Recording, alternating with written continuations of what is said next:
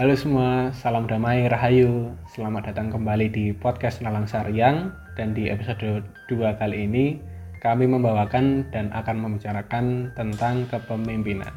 Tak hanya sisi terang yang menginspirasi para pengikutnya dari seorang pemimpin, tapi juga sisi gelap dari bayangan yang ada di balik pemimpin. Dan juga di dalam episode kali ini ada monolog yang tim Nalang Saryang susun sendiri sebagai usaha kami melakukan pencarian terhadap dua sisi dalam kepemimpinan. Dan setelah itu akan dilanjutkan dengan dialog dengan teman-teman kami di narasumber tentang dua sisi kepemimpinan, sisi terang maupun sisi gelapnya. Oleh karena itu, selamat mendengarkan.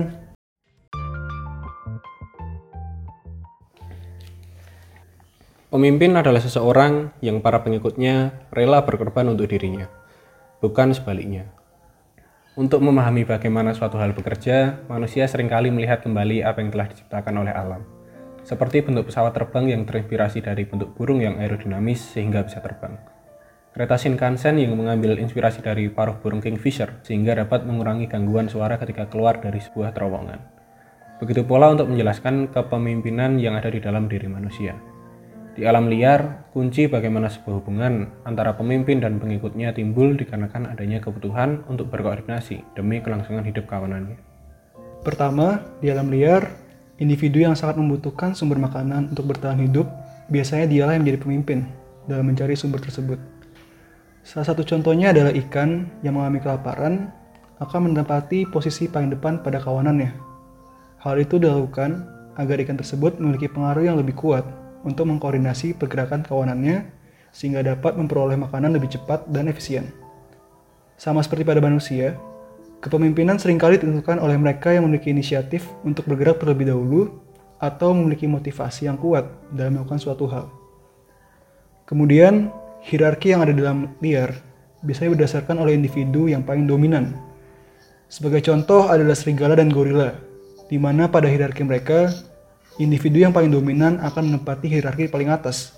Dominan di sini bukan artinya mereka memaksa yang lain untuk mengikuti mereka, melainkan dikarenakan mereka memiliki satu hal yang tidak dimiliki oleh yang lain, seperti tubuh yang lebih besar, memiliki akses sumber makanan, dan lain-lain. Sehingga dengan memiliki hal-hal di atas, individu tersebut dapat memperoleh pengikut secara otomatis karena pengaruh mereka yang besar terhadap kelangsungan hidup kawanan mereka. Dan yang terakhir, Individu yang memiliki pengetahuan atau keahlian dapat meningkatkan kesempatan individu tersebut dalam menjadi pemimpin di kawanannya. Seperti gajah tua pada kawanan gajah yang memiliki ingatan kuat di mana letak sumber air ketika musim kemarau, atau burung gagak yang mengikuti gagak tua dalam migrasi sehingga bisa sampai di tujuan mereka. Dari penjabaran di atas mengenai kepemimpinan di alam liar, ada tiga unsur kepemimpinan, yaitu motivasi, dominasi, dan pengetahuan. Ketiga hal tersebut menjadi poin utama dalam berkoordinasi demi kelangsungan hidup kawanan mereka. Apakah tiga hal tersebut dapat menjawab kepemimpinan yang ada dalam diri manusia? Tentu saja. Tapi perlu kita ketahui juga bahwa kepemimpinan pada manusia tidak selamanya berdasarkan tiga hal tersebut. Tiga hal di atas merupakan keadaan yang ideal bagi seorang untuk menjadi sosok pemimpin. Jika kita kembalikan pada kehidupan yang tidak ideal ini, tentu ada beberapa hal yang memerlukan kompromi dan juga tidak selamanya seorang menjadi pemimpin untuk kelangsungan kelompok mereka. Tapi, apa yang dibutuhkan seseorang untuk menjadi seorang pemimpin? Apa rasa rela berkorban untuk pengikutnya? Kami rasa bukan itu yang paling utama. Sesuai pernyataan kami di awal, dalam sebuah kelompok, pemimpin bukanlah yang berkorban untuk para pengikutnya, tetapi yang berlaku adalah hal sebaliknya. Para pengikutnya yang berkorban untuk sang pemimpin. Seorang pemimpin haruslah berkeinginan untuk dianggap sebagai seorang yang penuh maaf dan tidak kejam. Meskipun pada kenyataannya, ia tak bisa menghindar bahwa dirinya akan dianggap kejam oleh para pengikutnya. Dia harus selalu berhati-hati dalam memercayai dan bertindak. Dia juga tidak boleh takut akan bayangannya sendiri, dan harus bijak dalam bertindak. Sehingga apabila dia terlalu percaya diri, dia dianggap tidak berhati-hati. Lalu muncul sebuah pertanyaan, di antara dicintai atau ditakuti, mana yang harus dimiliki seorang pemimpin? Seorang pemimpin harus bisa dicintai dan pada saat bersamaan juga ditakuti. Tapi dua hal ini sangat sulit berjalan berdampingan. Sehingga ketika hanya dapat memiliki satu dari dua hal ini, kami rasa ditakuti adalah yang harus dimiliki sosok pemimpin. Ditakuti yang kami maksud di sini adalah saat pemimpin itu tidak dicintai oleh anggotanya, dia tidak boleh dibenci oleh mereka. Tapi karena dia harus ditakuti, maka dia tidak boleh keberatan untuk dianggap kejam oleh para anggotanya. Karena tanpa hal ini, pemimpin tidak akan dapat menyatukan para anggotanya dan akan menyebabkan anggotanya tidak memenuhi kewajiban mereka. Ikatan cinta merupakan ikatan yang mudah putus, karena manusia adalah makhluk yang lemah. Ia akan memutuskan ikatan cinta kalau itu menguntungkannya. Tindakan ini tidak dapat disebut bermoral, namun dapat memberikan kekuatan dan tidak memberikan kemuliaan. Sementara takut dipertahankan oleh rasa ngeri pada hukuman yang selalu efektif. Seorang pemimpin harus membuat dirinya ditakuti sedemikian rupa, sehingga kalau ia tidak ditakuti pengikutnya, setidak-tidaknya ia tidak dibenci oleh mereka. Para pengikut pemimpin lebih baik mengerti bagaimana caranya memperbaiki kesalahan yang telah dia lakukan daripada caranya tidak melakukan kesalahan. Kekejaman dari Hannibal menyebabkan pasukannya dari negaranya sendiri maupun negara lain tidak pernah mengalami perselisihan di antara para pasukan maupun perselisihan dengan Hannibal sendiri saat masa jaya maupun saat-saat buruk sekalipun. Meskipun Hannibal mempunyai sifat-sifat lain, sifat ini yang dominan menjadikannya dihormati dengan penuh oleh pasukannya. Hal yang sebaliknya dialami oleh Scipio, di mana pasukannya memberontak karena kebaikan beliau yang berlebihan. Meskipun terdengar kediktatoran, gagasan ini bukan berarti seseorang yang kejam dan menindas pengikutnya. Melainkan, pemimpin berjuang bersama para pengikutnya dengan tegas dan disiplin. Karena disiplin adalah kunci untuk mengelola sebuah kelompok. Bahwa kebebasan tanpa memenuhi kewajiban hanyalah permainan anak-anak. Apa baik jika pemimpin bersifat kediktatoran? Seorang pemimpin harus bersifat diktator, di mana ia memikul semua keinginan pengikutnya. Ia yang tertawa paling keras dan mengamuk paling ganas, Pemimpin harus hidup lebih mulia dibandingkan yang lain dan menyerang pengikutnya dengan kemuliaan yang ia miliki. Dan itulah mengapa api aspirasi pemimpin dapat melebur para pengikutnya ke dalamnya. Tujuan seorang pemimpin sejalan dengan yang dituju oleh para pengikutnya. Meskipun tiap-tiap tujuan mereka berbeda, kesatuan dapat terjadi jika terjadi kerjasama.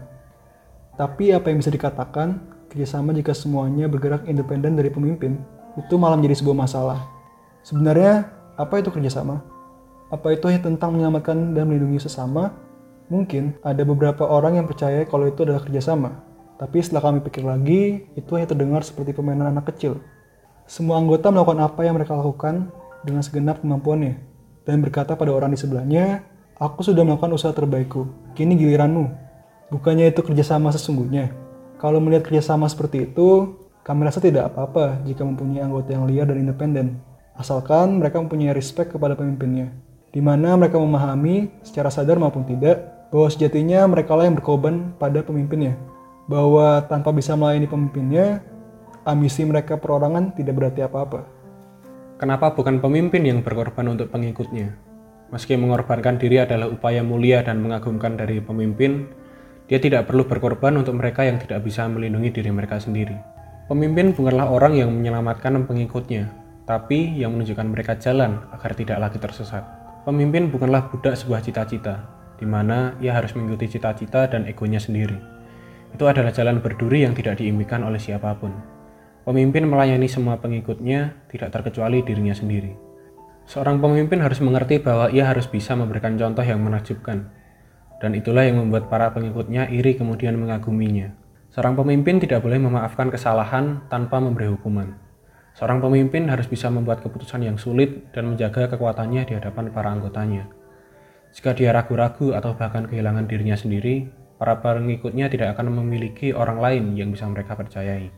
Pada akhirnya, bukan mereka yang menjadi pemimpin untuk diakui pengikutnya, tapi dia yang dipercaya oleh pengikutnya adalah seorang pemimpin. Kami rasa, pemimpin bukanlah orang yang akan memberi usaha terbaiknya untuk pengikutnya, tetapi pemimpin adalah orang yang memberikan usaha terbaiknya untuk mencapai tujuan dengan pengikutnya. Satu dua tiga masuk. Jadi selamat datang kembali di Nelang Sariang untuk episode kedua.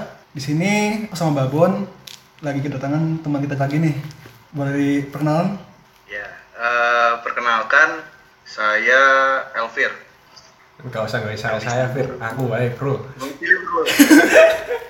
Oke, jadi tema Nelang Sariang kali ini kepemimpinan dan Mas Elvir ini kami anggap yang berkapabilitas lah untuk membahas hal itu membahas masalah yang kita bawa kali ini nah Mas Elvir ini Apa sudah berpengalaman di kepemimpinan? Kalau misalnya sebenarnya gini, kalau misalnya dibilang kapabilitas mungkin banyak orang yang punya kapabilitas lebih besar dan saya pun tidak merasa saya punya kap- kapabilitas. Ya mungkin kita coba aja deh. Oke, kita coba aja. Karena kan juga Saya, materi, saya, saya, saya fakir ilmu bro. Woi, nah ya kita semua fakir ilmu, kita semua fakir ilmu. kita undangan itu ada hal-hal yang ingin kita ngobrolin aja tentang masa kepemimpinan, misalnya di, da- di daerah lingkup kecil misalkan. Kan yuk, Mas Elvir ini sudah sudah atau sedang ya? Sudah, sedang, sedang. sedang menjabat sebagai ketua di himpunan jurusan kampus. Makanya kami, makanya kami merasa ya tepat aja sih misalnya, kan juga target audiens yang kita inginkan ya teman-teman satu jurusan kita lah seminimalnya angkatan Kita gimana nih? Saya anda aja atau aku kamu? Aku Wan? aja. Kayaknya aku aja biar intim ya. ya Aku aja. saya anda kok ya nyalon kahim bae kon ya oke Mas Elvir tadi kan Mas Elvir udah bilang kalau Mas Elvir sendiri ini mungkin kata kapib berkapabilitas tidak cocok untuk Mas Elvir ya nah itu kalau menurut Mas Elvir sendiri ini pemimpin yang ideal itu seperti apa sih emang yang capable seperti apa? Waduh. Apakah artinya enggak? Apakah artinya berarti eh, berarti Mas Alfred ini nggak capable makanya merasa kayak gitu atau seperti apa? Ini pertanyaan raja terakhir nih kayaknya nih. Wah, pikir masih masih lebih Wah, ini. masih lebih masih lebih mengerikan itu. Oke, kalau misalnya ngomongin pemimpin yang capable deh atau yang ideal, ya jawabannya bakal klise sih sebenarnya. Aku coba mau buka sudut pandang aja nih. Konsepnya gini kan, ada yang dipimpin, ada yang memimpin. Oke, kalau misalnya sekedar ideal, ya mungkin bakal terlontar orang yang bijaksana, orang yang visioner, orang yang mampu berkomunikasi, bla bla bla. Nah, itu kan biasa kan. Pemimpin yang harusnya full package itu harusnya ada. Cuman mungkin gini, kalau misalnya kita mau bicara pemimpin yang ideal seperti apa, imajiner harusnya bisa sesuai dengan keinginan lah. Keinginan sekelompok orang yang dipimpinnya. Gampangnya gitu. Nah, nanti itu mungkin hubungannya sama cara dia memimpin kayak gimana. Soalnya kalau misalnya kita mau membicarakan pemimpin yang ideal, ya paling klise aja. Orang yang ya yang capable lah. Eh, semua orang pasti punya pemikiran bahwa pemimpin tuh harus punya karakter. Ya kalau misalnya dari aku sih yang aku perhatikan karakter. Apa maksudnya karakter tuh apa ciri khas atau kayak gimana? karakter dalam memimpin itu ini aku belajarnya dari ini sih dari ada salah satu mata kuliah lah di, di kampus bahwa pemimpin itu ada garis-garis karakternya sejauh ini mungkin ada lima atau enam yang yang umum ya misalkan dia itu otoristik atau paternalistik atau juga liberal demokratik. Ya kalau kalau aku sendiri ya lebih senang punya pemimpin yang tentu demokratis di mana dia dalam segala urusannya sebisa mungkin melibatkan. Entah itu mel- melibatkan keseluruhan atau melibatkan ya kasarnya orang yang benar-benar berada di belakang pemimpin tersebut. Itu nomor satu. Karena mungkin kurang cocok aja sama keadaan di negara kita juga. Hmm. jadi merasa bahwa ya mungkin pemimpin yang demokratis itu adalah yang terbaik tapi belum tentu juga sebenarnya. Terus juga mungkin menarik punya pemimpin yang karakternya itu bahasanya tuh apa ya tepat nggak ya dibahasakan paternalistik? Bahwa dia itu punya sifat kebapaan. Nah dua hal yang aku ungkapkan ini sebenarnya dia lumayan uh, kontradiktif. Karena pemimpinan demokratis itu biasanya melibatkan mm, orang lain dalam segala urusannya sedangkan paternalistik itu biasanya orang-orang yang ya kayak bapak lah Apa misalnya ada masalah atau ada urusan kan biasanya nggak melibatkan anak-anaknya Ya, Udah bukan. beda dia Eh, sendiri. ini maksudnya paternalistik itu seperti bapak yang membimbing anaknya gitu apa gimana? Mengayomi gitu Ya, maksudnya. kurang. mungkin kalau dibahasakan, kalau seorang bapak kan biasanya ada tagihan apa, ada cicilan apa, ada masalah apa kan disimpan sendiri, diselesaikan sendiri tanpa anak-anaknya tahu. Oke oke. Ya pemimpin ideal versi Mas Elvir itu seperti itu. Nah, apa Mas Elvir sendiri udah puas dengan diri sendiri sebagai seorang pemimpin? Belum puas. Apa Mas Elvir ini orang yang tidak mudah puas atau gimana? Kalau aku sendiri ya, emang eh, perfeksionis lah. perfeksionis selalu ngerasa ya belum cukup lah belum cukup apa yang udah dicapai sekarang ingin Dan- mencapai target terus gitu apa gimana target sih ya aku aku pribadi ya kalau misalnya dalam konteks ini nggak netapin target sih karena terlalu naif kalau misalnya kita menentukan target ingin jadi pemimpin yang seperti apa sekarang. Karena masih jauh batasan yang bisa dicapai sebenarnya. Kalau misalnya ditanya puas atau belum ya jelas belum. Tapi sebelumnya ya kita berbicara di waktu-waktu terdekat aja maksudnya. Apakah dari Mas Alfi sendiri itu sudah merasa misalkan kita di lingkungan terkecil aja ya, ya misalkan sebutnya ala di lingkungan A, di lingkungan A ini, apakah ketika menjadi pemimpin lingkungan di lingkungan A ini, apakah Mas Alfi itu sudah merasa siap atau ya udah tinggal jalan aja, penting jalanin dulu untuk menjadi seorang pemimpin. mungkin tepatnya ya udah jalanin aja dulu. Tapi bukan mentah banget diartiin ya udah jalan aja dulu. Eh, aku belum punya apa-apa jalan aja nggak gitu. Karena gini lah kalau misalnya nanti kita bakal nunggu waktu siap momentumnya nggak bakalan ada momentum itu yang aku lihat sebagai apa ya bisa dibilang wah ini nih peluangnya nih ada. Kenapa nggak dicoba? Berarti nggak usah menunggu Ya, kayak- momentum tapi menciptakan momentum itu sendiri gitu. Ya kalau misalnya dibilang kalau misalnya dalam konteks ini ya kalau misalnya kita menciptakan momentum ya aku nggak benar-benar menciptakan momentumnya sih. Momentumnya itu ada setengah dan kita ciptakan peluangnya juga. Mungkin lebih tepat gini peluangnya ada kita ciptakan momentumnya. Berarti istilahnya kan emang untuk menjadi pemimpin maksudnya emang dari diri sendiri kan seharusnya kan ya, bukan karena dorongan eksternal dari luar gitu kan. kalau misalnya dari aku pribadi ya harusnya dari diri sendiri karena yang bakal jalanin juga kita kan Nah, selama selama di lingkungan ini, di lingkungan jadi pemimpin itu, apakah Mas Lafri itu merasa berkembang atau sama saja gitu? Misalkan Mas Lafri ngelihat dirinya Mas Lafri 2 tahun, tiga tahun kebelakangan, apakah ada sesuatu yang berbeda dari diri Mas Lafri? Atau mungkin hal-hal dulu yang mungkin Mas Lafri pengen betulkan gitu ketika kalau misal dari aku pribadi ya kalau ngerasa ada perubahan ya nggak ada maksudnya gimana tuh? misalnya nih dari sekarang aku mungkin jadi ketua di salah satu himpunan jurusan eh, di salah satu Instansi. kampus kampus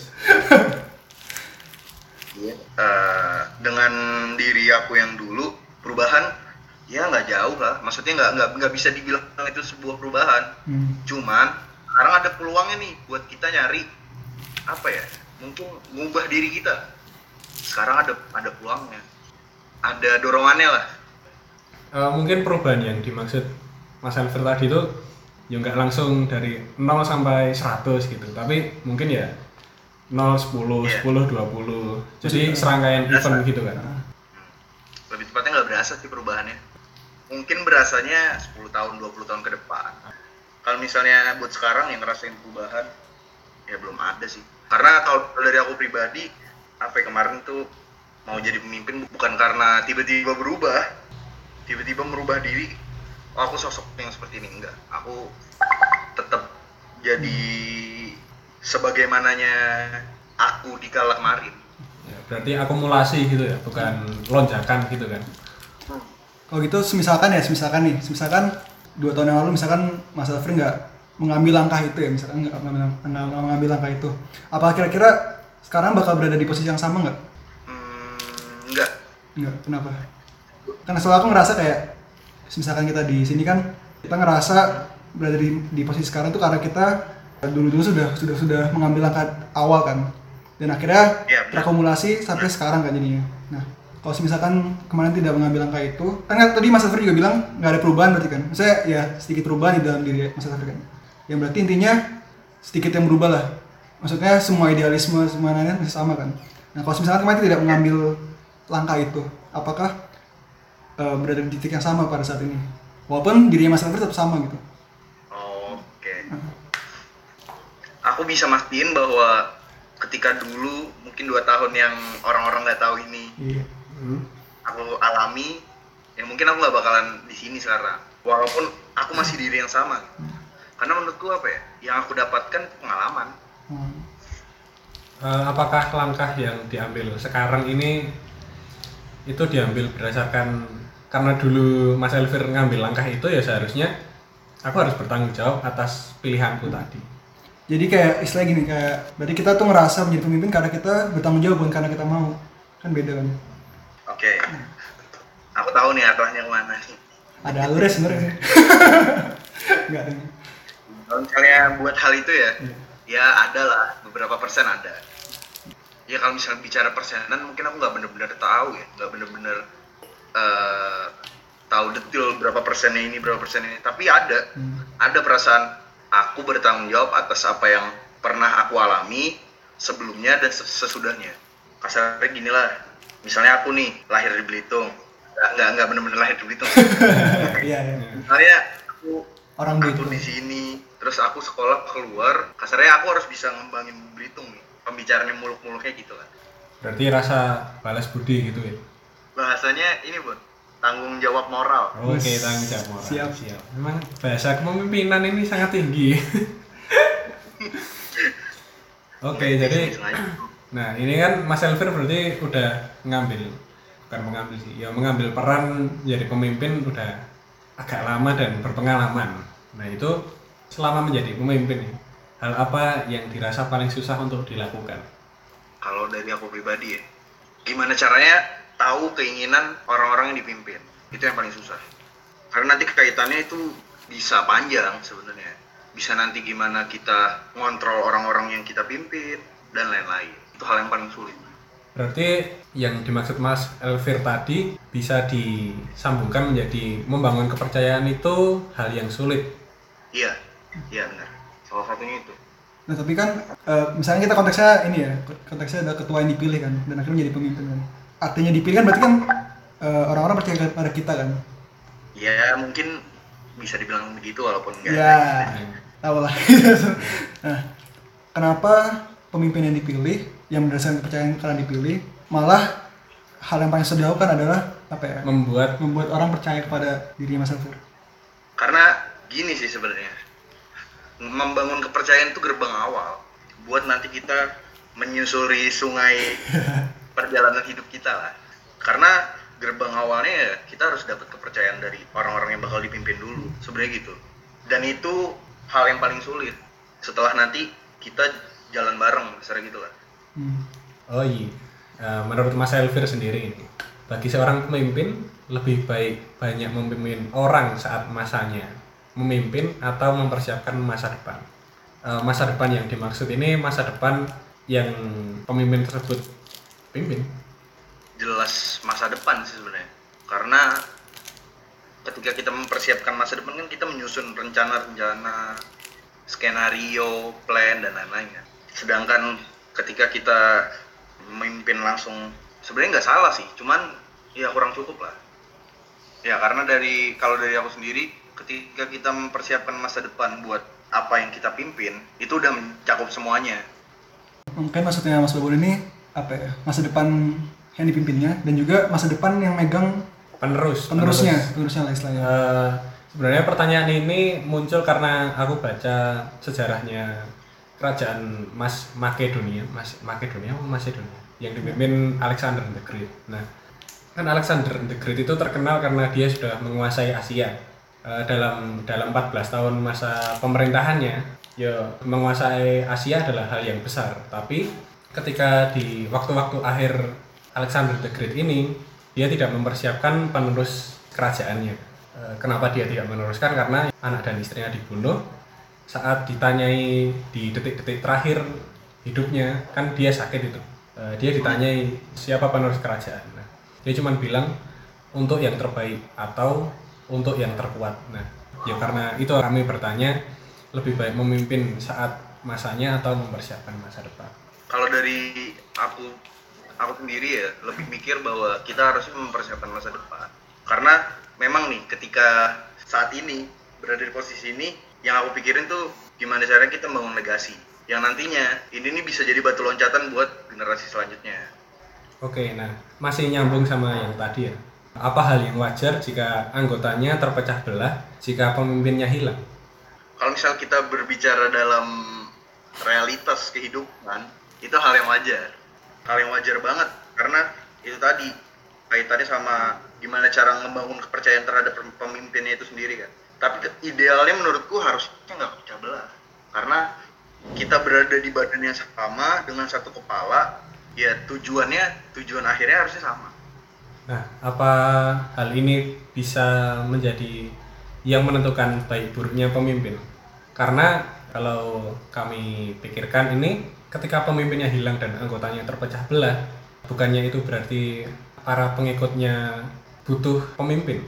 Mereka saking percaya pada pemimpin, lalu ketika pemimpin itu hilang, mereka terpecah belah. Gitu. Menurut Mas Elvir gimana? Eh, ya makanya tadi aku bilang itu suatu kewajaran dalam realitas karena menurutku pemimpin itu nggak cuma sosok orangnya aja sih pemikirannya dan juga pandangan visioner dia lah Hmm. cuman fisik secara fisik aja pemimpin itu secara realita wajar. Ketika pemimpin yang nggak ada terus orang-orang yang dipimpin terpecah belah merasa butuh sosok pemimpin. Tapi aku masih merasa bahwa idealnya karena pemimpin itu menurutku nggak cuman fisik aja fisik badannya aja. Tapi juga pemikiran dan juga pandangan visioner.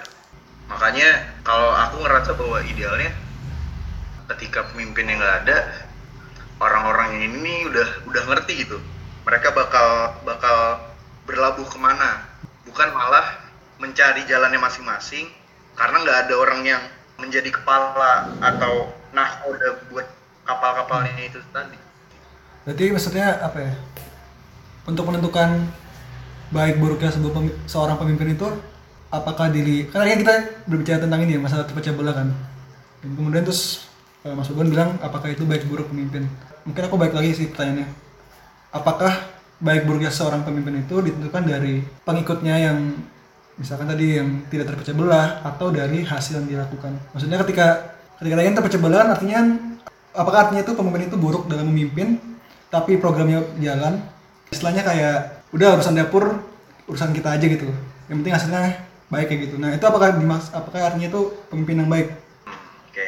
Sorry kita jawab yang aman-aman aja ya bro. Oh, iya. Oke, oke, oke. Enggak, sebelum jawab ini aku mau kasih latar belakang kenapa Iya.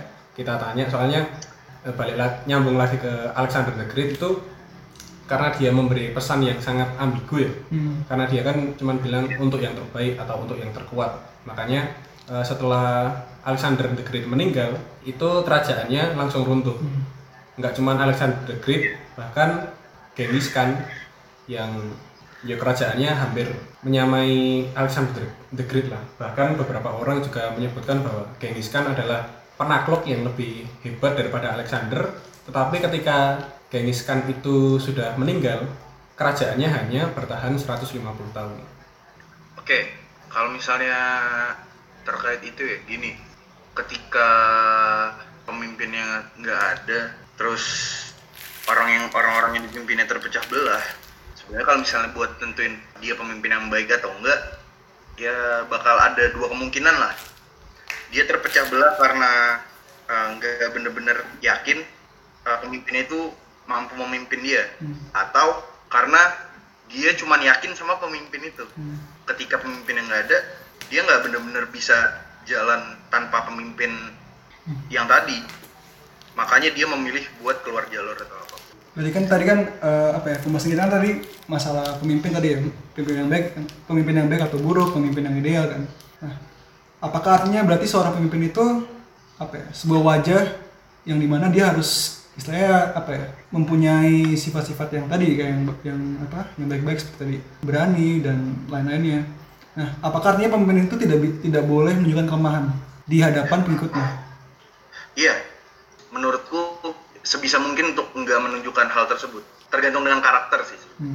tapi kalau misalnya dari aku pribadi eh, konsepnya gini. Dalam memimpin mungkin yang paling gampang kita lakukan buat mencontohkan.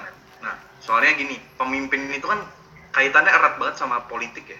Politik dalam artian gimana caranya kita membuat sekelompok orang itu bisa mengikuti kita. Ya. cara gitu. Hal yang paling mudah dan hal yang paling kecil pertama kali yang bisa dilakukan tuh dengan memberikan contoh atau mencontohkan. Hmm. ketika nanti ya kasarnya pemimpinnya nggak bisa memberi contoh yang benar yang baik lah. Hmm. dan terlalu susah terlalu sulit. Berarti apakah itu bakal apa ya bakal menggoyahkan kepercayaan. Kasarnya gitulah. Karena apa apa ya buat buat memimpin sekelompok orang lah kasarnya. Hmm. itu nggak nggak benar-benar gampang nggak nggak mudah menurutku ya kasarnya gini tadi kita udah bahas juga sedikit tentang Alexander the Great mungkin ya menurut pandanganku kenapa dia berpikir itu karena hukum malam atau hukum rimba hukum rimba kan seperti itu kan siapa yang kuat dan siapa yang punya kekuatan dia yang berada di atas Hmm. puncak rantai makanan Ya, meritokrasi. kenapa sih atas? tapi ketika kita lakukan itu variabelnya nggak bisa kita kontrol Variabel ini berarti pengikut atau gimana? Apa hal-hal eksternal di luar orang itu gitu? misalnya gini.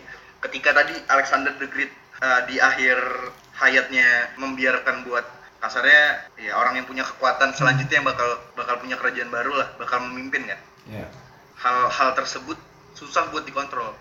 Atau bisa dibilang jadi variabel yang nggak kontrol. Karena apa? Karena bukan sesuatu yang dikontrol dari awal memang Kasar gini kalau misalnya kita mikir masa depan ya paling nggak kita bisa lah sekarang berangan-angan 10 tahun atau 20 tahun ke depan bakal jadi apa karena kita bener-bener apa ya mau perkembangannya lah Eh, berarti apakah apa ya? Bu pemimpin seharusnya tidak tidak per- apa tidak boleh lah menunjukkan kelemahan kan di depan ini. Berarti kan apakah menjadi pemimpin itu kita sudah siap tidak dianggap menjadi sebu, menjadi menjadi manusia gitu loh. Berarti kan artinya kita memasang wajah yang kuat kan, nggak ada kelemahan, nggak ada kekurangan kan. Harus bisa semuanya. Ya dianggap Superman lah. Padahal ya di kita mau tidak mau diakui pasti kita juga ngerasa ada kelemahan yang aku pingin cerita misalnya aku pingin ngeluapin lah apa apa yang aku rasain menjadi pemimpin tapi aku nggak bisa karena aku seorang pemimpin aku seorang superman gitu kan jadi kalau misalkan benar kita tidak boleh menjadi kelemahan apakah kita siap dianggap tidak menjadi manusia gitu Eh, lebih tepatnya mungkin gini ram Oh. ketika ketika kita bakal berlaku hal berlaku menjadi orang yang seperti itu ada dua hal yang harus kita siapin. Yang pertama kita harus siap menjadi sosok yang dianggap Superman itu. Dan yang kedua kita harus siap dicap atau mendapat labeling bahwa kita tuh nggak pantas atau lemah gitu. Ya dicap bahwa kamu tuh bukan Superman. Dua hal itu yang harus disiapin. Karena ini sih eh, kenapa aku nanya kayak gitu soalnya aku ngerasa kalau misalkan kita emang dianggap kita nggak boleh nunjukin kelemahan dan apa apa kan tadi yang kau bilang kan kita pasti pasti kita juga ngerasa pengen di dimengertiin di apa dipahamin kan tapi kita nggak bisa menunjukkan itu apakah itu nanti malah malah berpengaruh dengan cara kita bermimpin jadi kita nggak sehat gitu loh nggak natural mungkin ya iya Iya. maksudnya memaksakan hal yang bukan Memaksakan iya memaksakan kehendak. Ya, karena kita berlaga ba- Iya. ma- malaikat kan. Ya. Karena kita harusnya kan apa ya? Bukan merasa harusnya kan. ya. Harusnya kita memang kita memiliki hal itu kan, bukan merasa kita menjadi harus menjadi Superman kan. Yang akhirnya kita menjadi Bakal, jadi bukan diri kita gitu iya, bakal mempengaruhi sih. Bakal benar-benar mempengaruhi sebenarnya. Dengan dia menjadi nggak natural, dalam memimpin mungkin terkesan kaku dan lain-lain. Nah itu makanya kalau misal kita bicara tentang pemimpin ya, bakal ada seribu satu sudut pandang mungkin. Karena menurutku semua orang tuh harusnya capable jadi pemimpin. Cuman orang itu mau atau enggak. Jangan tanyakan bisa atau enggak dulu. Mau atau enggak dulu. Karena ketika kita sudah mempertanyakan bisa atau enggak, ternyata dia Nggak bisa. nggak bisa memenuhi mau atau enggaknya dulu, nggak bakal jadi pemimpin. Paling paling paling gampangnya buat diri sendiri dulu lah. Lanjutin dari pertanyaan Mas Rama ini menjadi seorang pemimpin di mana ada banyak ekspektasi lah dari para pengikutnya itu Jelas. gimana rasanya? Nah rasanya mau fisik atau mau batin nih? Ya, batin deh, batin fisik mah. fisik wes mamor kan. Iya. Kalau misalnya fisik sih, ya eh, tengkuk sakit, Iya. pinggang nyeri, kepala nyut-nyutan, Oh. itu fisik. Ya. Kalau batin, paling gini, kalau misalnya aku pribadi, susah banget buat memikirkan suatu hal di luar hal itu, di luar ekspektasi orang-orang. Bakal terus berdenging di telinga ekspektasi orang-orang yang dipimpin itu. Ini bukan aku apa ya mengada-ngada atau apa, tapi emang bener ada kayaknya seperti itu ya, Hmm. kayak gitu. Oh, Oke. Selalu selalu gitulah kasarnya. Ya cuman kalau misalnya fisiknya tengkuk sakit, Ya. kepala nyut-nyutan, Sudah merasakan, sudah Itu profesional. sudah profesional. Oke, Mas Elvir. Jadi pertanyaan selanjutnya ya. ya Apa ada rasa penyesalan selama menjadi pemimpin? Eh, penyesalan penyesalan tentu ada cuman bukan penyesalan kenapa kenapa aku menjadi pemimpin Penyesalan karena Iya. penyesalan ken- karena kenapa kemarin aku nggak berbuat ini kenapa dua hari yang lalu aku nggak berbuat ini kenapa seminggu yang lalu aku nggak berbuat ini dan kenapa sebulan yang lalu bahkan setahun yang lalu nggak berbuat? Itu sih. Dari dua tahun yang lalu. Ya sampai Iya. sekarang nggak? Sampai Sampai sekarang. apa itu sampai sekarang itu pun masih jadi penyesalan pribadi sih. Kenapa kenapa dan kenapa? Dari penyesalan itu ada rasa ingin mengubah yang dulu nggak? Makanya coba aku aku ngelakuin hal yang disesalin sekarang gitu. buat mengubah ya kalau misal diberi kesempatan tapi aku nggak nggak ini sih nggak memilih buat ngubah hal tersebut mungkin. Kalau misal punya kesempatan buat ngubah ya ya udahlah biarin aja. Karena apa? Harusnya bisa jadi pelajaran gitu loh. Ya Nah, kalau nah. misal kita sebagai sebagai manusia yang fana ini kan ya udahlah pengennya pasti yang terbaik dan yang ideal buat diri sendiri dan sebisa mungkin buat orang lain. Tapi ya kalau aku sendiri buat ngubah ngubah hal-hal yang disesalin ya buat apalah Eh, apakah ketika apa ya Mas Levin memimpin itu Mas Levin ngerasa apa istilahnya kayak ada modenya gitu loh? Kasarannya pakai topeng yang iya topeng. Pemimpin. topeng pemimpin atau atau ya memang emang seperti itu dirinya Mas Levin gitu. Buat topeng ada topeng. Cuman apakah topengnya wajah diriku sendiri kan nggak tahu. Oh, oke. karena ini sih karena apa ya aku juga berbagi cerita aja nih soalnya aku ngerasa kayak ketika emang emang perlu kan topeng itu perlu kan Ya, topeng itu perlu semua orang punya topeng. punya topeng Tidak di teman di mana kan? Maksudnya kita pasti memakai segala topeng lah di setiap kondisi kan. Nah apakah Mas Elvin ini ngerasa merasa kayak munafik ke diri sendiri gitu? Maksudnya ketika memakai topengnya topeng pemimpin terus kembali ke topengnya Mas Elvin yang sebelum jadi pemimpin apakah itu ada kayak kontradiksi dalam diri Mas Elvin gitu? Karena kalau dari pengalamanku sendiri aku juga ngerasa aku munafik aja gitu. Ketika main pakai topeng pemimpin terus aku kembali ke kehidupan aku yang sebenarnya gimana? Oke. Saja nih lek topeng kan kene koncoan nembe wong anyar ae gawe topeng kan? Gawe topeng se kenal se ya opo wonge? Mari ngono baru. Lek iso dilepas ya lepas. Hmm. gak iso dilepas ya udah dilepas. Nah, kan kalau pemimpin kan konteksnya nggak bisa dilepaskan tuh dengan topengnya kan. ya? Setidaknya selama Iya. masa jabatannya atau masa pemerintahannya kan. Penyesalan pribadi yo ono dalam lubuk hati paling kecil tuh ono. Ono lah ngerasa eh, apakah pantas diriku seperti itu? Ada. Bakal bakal ada setiap orang sih Hmm. menurutku ya. Kalau misalnya dia nggak nggak nggak mengalami hal tersebut Ada kan? dia orang orang sangat ide orang yang sangat ideal tentu. Tapi konsepnya gini.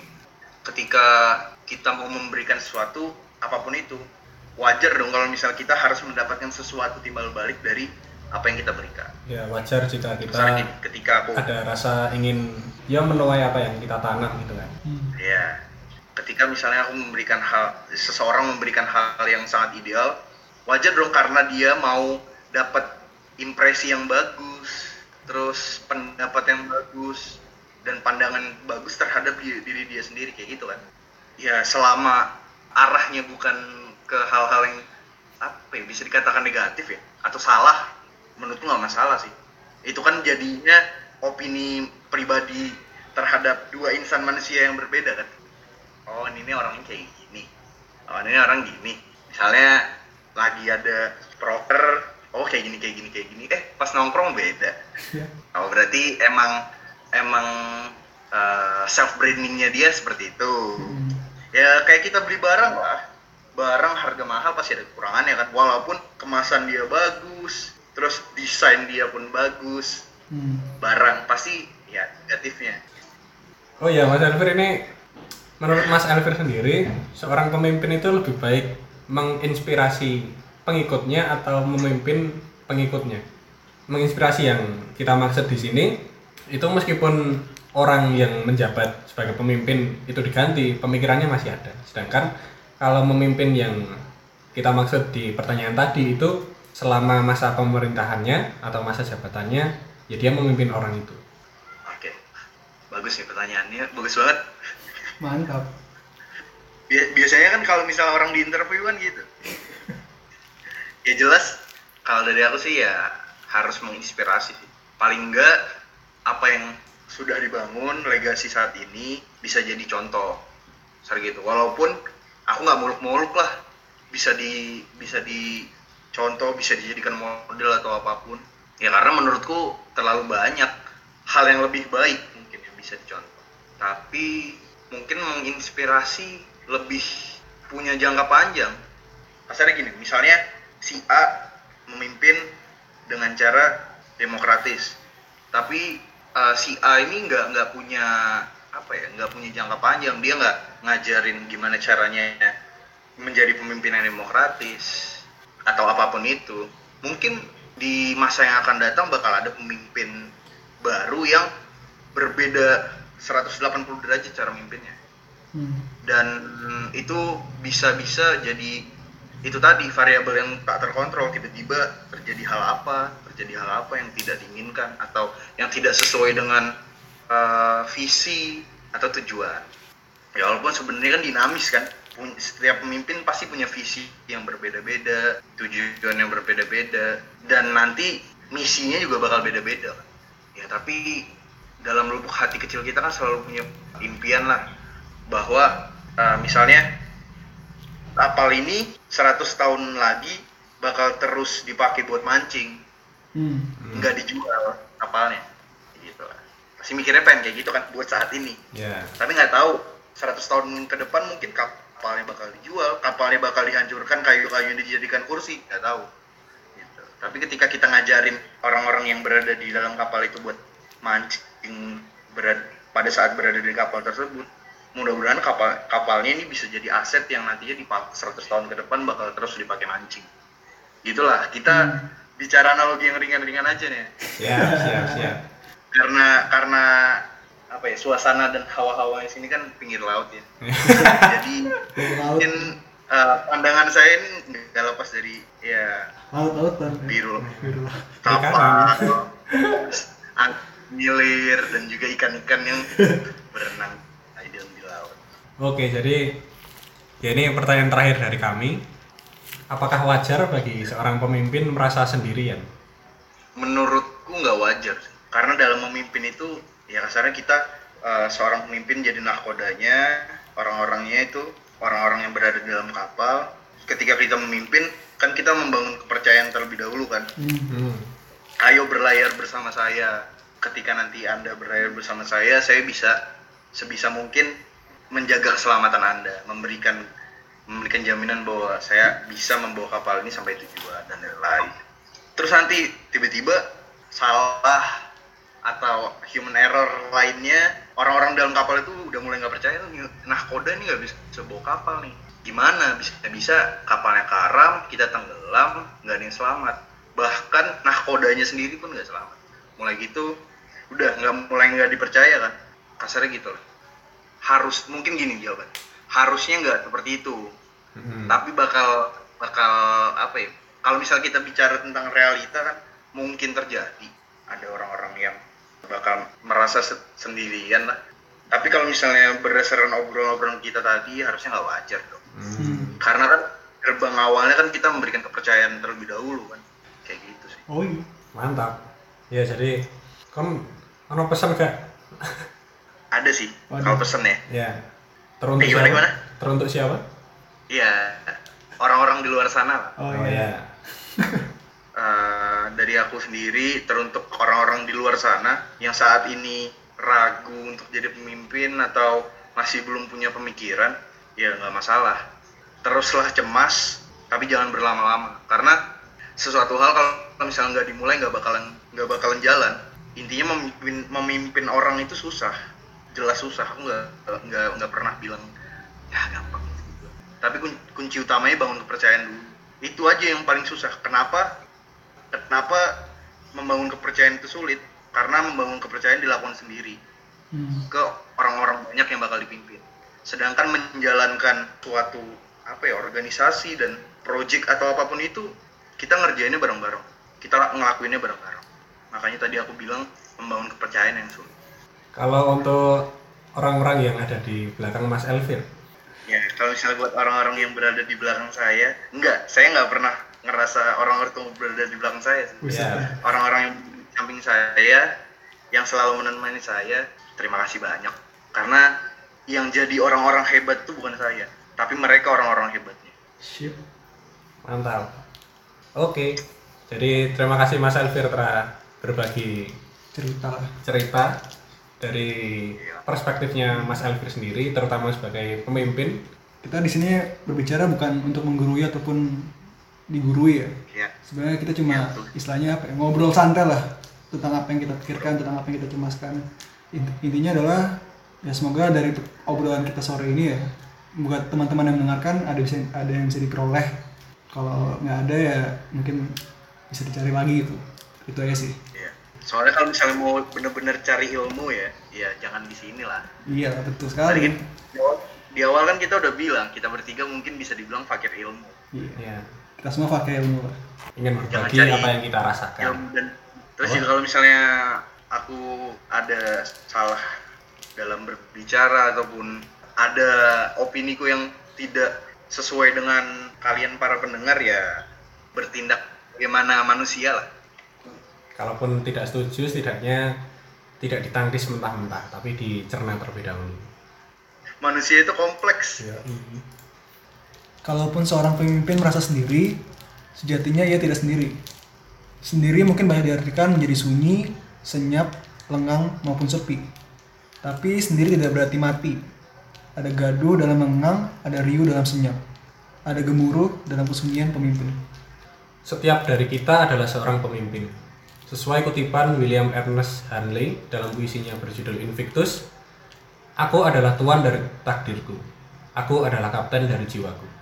Oleh karena itu, kita tak harus langsung menjadi pemimpin besar bagi para pengikutnya. Cukuplah dimulai sebagai pemimpin besar bagi diri dan hati. Terima kasih telah mendengarkan Nelang Saryang episode 2 kali ini tentang kepemimpinan. Kami tidak ada maksud menggurui ataupun di obrolan kami tidak ada yang digurui. Kami hanya ingin berbagi cerita tentang kehidupan dalam perspektif suka maupun duka.